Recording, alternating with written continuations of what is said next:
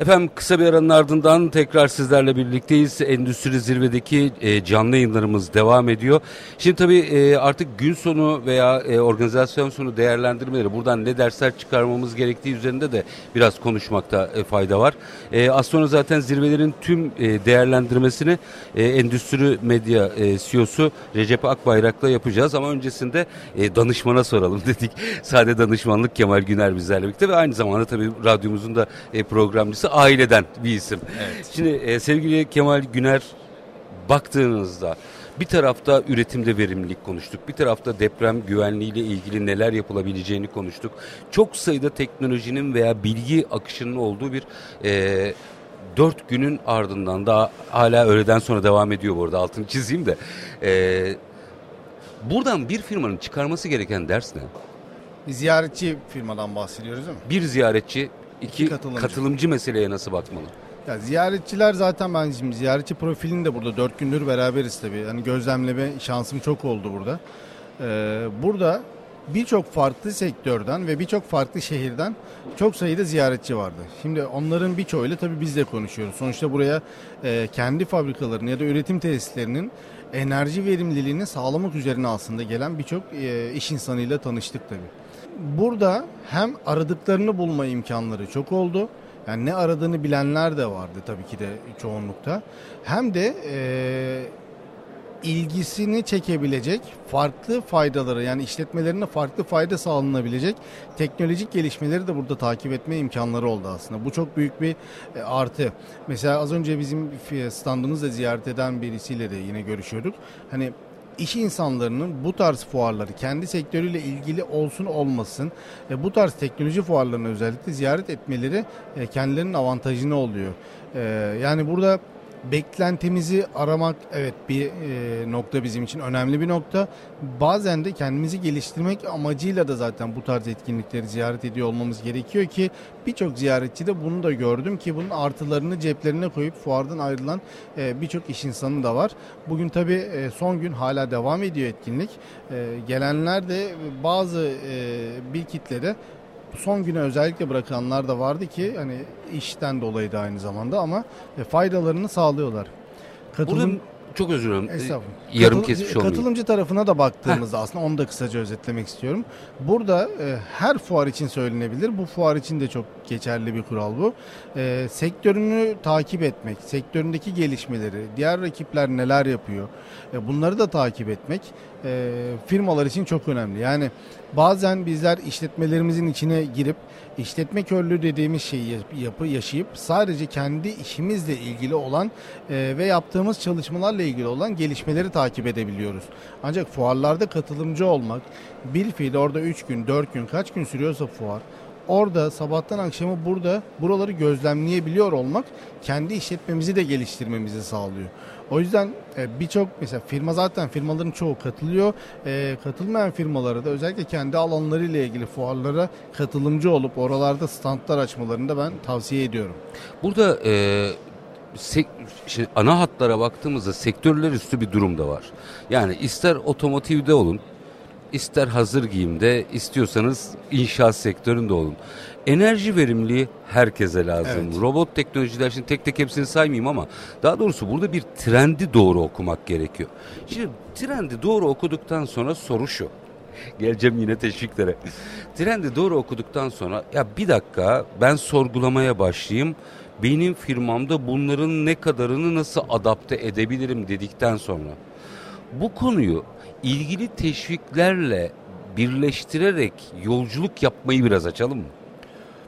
Bu zaten aslında göz ardı edilmeyecek bir alan. Yani e, bizim alanımız hibeler, teşvikler. Bu alanla ilgili çalışıyoruz ve e, firmaların hani daha önceki yayınlarımızda da e, dinleyicilerimiz hatırlayacaklardır. Firmaların bir hibe teşvik politikasının olup A'dan Z'ye baş e, başlangıçtan yani şirketin kuruluşundan e, devamlılığında bu süreci iyi planlayıp burada hareket etmelerinde fayda var. Ha, başlangıcında yapmadık, kaçırdık mı? Hayır tabii ki de. Nereden başlanırsa, yani ne kadar erken o kadar iyi aslında bu süreç.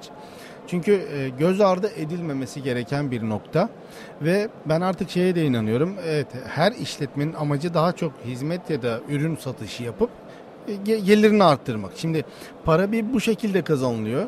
Satışları arttırılarak kazanılıyor. Bir de maliyetleri düşürülerek aslında para kazanılıyor.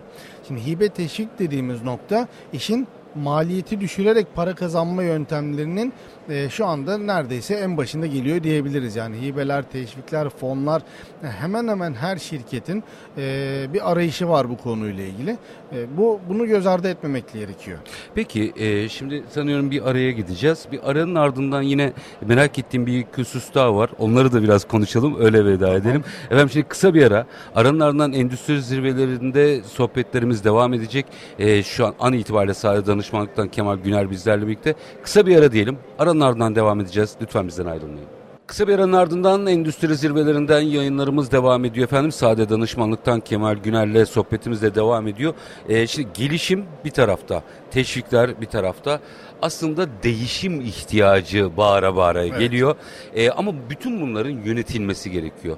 Hani bir pideyi pat diye yiyemezsiniz e, dilimlere bölmeniz gerekiyor. Evet. O dilim stratejisini hibe ve teşvikler açısından baktığınızda dönüşümle birlikte nasıl yönetmemiz gerekiyor? Ya aslında orada da şöyle yani şimdi firmanın ya bir şirket kurulduğunda yapılacak yatırımlar zaten aşağı yukarı belirlenmiş olmasını bekleriz. Belirlenmiş olması gerekir de zaten. Yani şu anda hangi adımı atacak? Bir sonrakinde atacağı adım, sonrakinde 5 yıl sonra da atacağı adımları aşağı yukarı en azından ana hatlarıyla belirlemiş olması gerekiyor.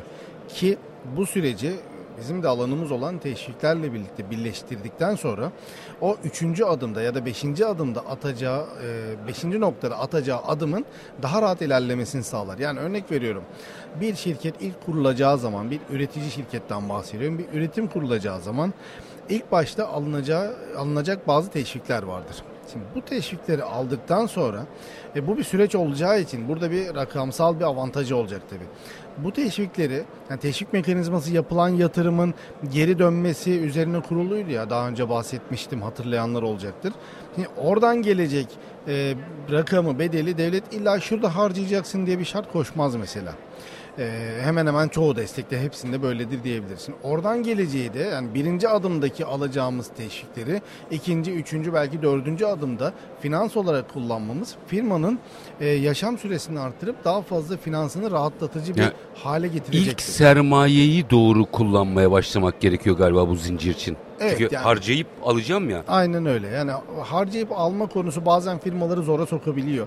Ee, hani e, biz direkt alsak üstüne biz tamamlayıp yatırımımızı yapsak dediğimiz nokta çok mümkün olmayabiliyor çoğu Artık yok. Için. Yani çok evet. istisnai evet, teşvikler çok istisnai var ama. projelerde oluyor ama genelde de olmuyor. O yüzden devletimizin de beklentisi e, siz yatırımı yapın biz destekleyelim e, yönünde olduğu için de firmalarımızın o ilk e, hep derler bir atılacak kurşunum var. Yani o kurşunlarını iyi planlayıp kaç tane ne kadarlık bütçeyle neler yapabileceğini planlayıp o sürece kendi bütçesiyle ilerlemesinde fayda var.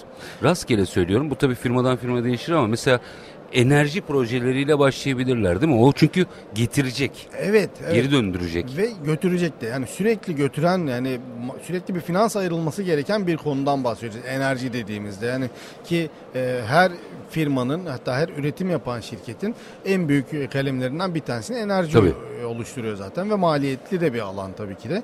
Mesela o tarafta verimliliği sağladığında e, enerji maliyetlerini düşürdüğünde buradan gelecek olan gelirle de bir sonraki aşamaya çok daha rahat geçebilir. Yani ilk adımda zaten bu yatırımları yapması gerekiyor bu firmaların. Onu da verimli bir şekilde yönettiğinde sonraki adımlara çok daha rahat ilerleyebilir. Üstad e, son olarak da şu başlığı açıp konuşalım isterim. Tabii ki devlet teşvikleri ve hibeleri tamam. Ama Şimdi öyle başlıklardan bahsediyoruz ki dünyanın her yerinden de fon bulabilirsiniz evet. bunlarla ilgili. Burada ee, mesela nasıl biz burada yapıyoruz ve sonrasında devlet teşviği alıyoruz sistem buysa dünyaya çıkarken de koltuğumuzun altında bir projelendirme olması gerekiyor. Ee, teşvik ve projelendirme ilişkisini nasıl yönetmemiz gerekiyor? Teşvik ve projelendirme dediğimiz noktada proje bu işin birinci adımı. Hani emeklemeye başlarken bizim yapmamız gereken şey bu yani. Bizim de proje deyince biraz gözümüz korkar aslında. Sanayi sanayi dediğimizde, e, iş dünyası dediğimizde projeden biz gözümüz korkar. Hani böyle çok uzun uzun diye yazılan şeyler e, işte bunda bir literatürü olması gerekiyor. Evet doğru ama bazen bu bu kadar uzun da olmayabilir. Ya da bu kadar meşakkatli, bu kadar ilgi, uğraştırıcı bir süreç de olmayabilir. Burada aslında sadece projeden kastımız yol haritasının çiziliyor olması. Bu yol haritası belli olduktan sonra işin üretim tarafı da, enerji tarafı da, teşvik tarafı da, satış tarafı da bunların hepsi aslında e, çorap söküyor gibi gelecektir. Ama ne yapacağımızı, ne zaman yapacağımızı iyi biliyor olmamız lazım. İş planının esas yani. İş planı. Yani ne iş yapacaksak yapalım hiç fark etmez. Bu işin planlı bir şekilde başlanıp gitmesi gerekir. Yine diyorum bizim ülkecek çok sevdiğimiz bir şey değildir. E, yapacağımız şeyleri kağıda dökelim. Mesela biz markete bile gidecekken alışveriş listesi çok azımız oluşuyor. Tabii herkesin aklındadır. Herkes ya tam ben eksiklerimi biliyorum der. Görünce aklıma benim eşim bile söyler. Ben görünce aklıma geliyor der. Şimdi öyle olunca e, kasada fatura büyüyor tabii, Tabii. ki de. E, Çünkü ama görünce yapmasak- aklınıza çok şey gelebiliyor. Kesinlikle yani onu yapmasak bir listemiz olsa belki 30 tane şey alacağımızı 20 şey alıyor olmamız ya bize yeterliydi. Ama görünce aklımıza geldiği için farklı oluyor. Burada bile bir iş planı yapıyor olmak lazım. Hani iş planından kastım bu. Markete gidip eve alışveriş yapmak da bir iş, iş ve bunun bir planının olması lazım.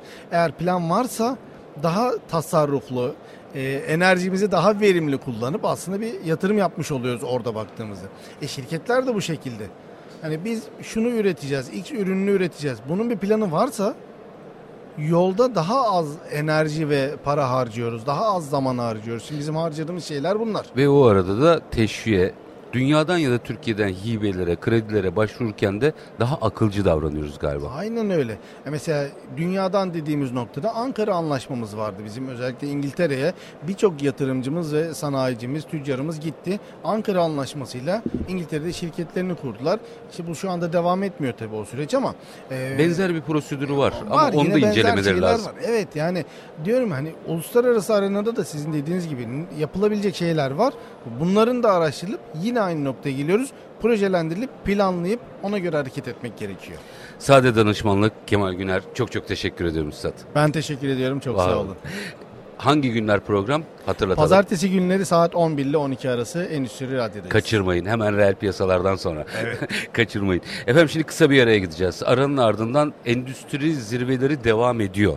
Onun altını çizeyim. Ama e, biz zirvelerin genel bir değerlendirmesini alarak Endüstri Radyo'daki yayınımızı sonlandıracağız. Az sonra e, Endüstri Medya CEO'su Recep Akbayrak bizlerle birlikte olacak. Zirveleri bir mercek altına alacağız. Ardından sizlere veda, edeceğiz. Kısa bir ara lütfen bizden ayrılmayın.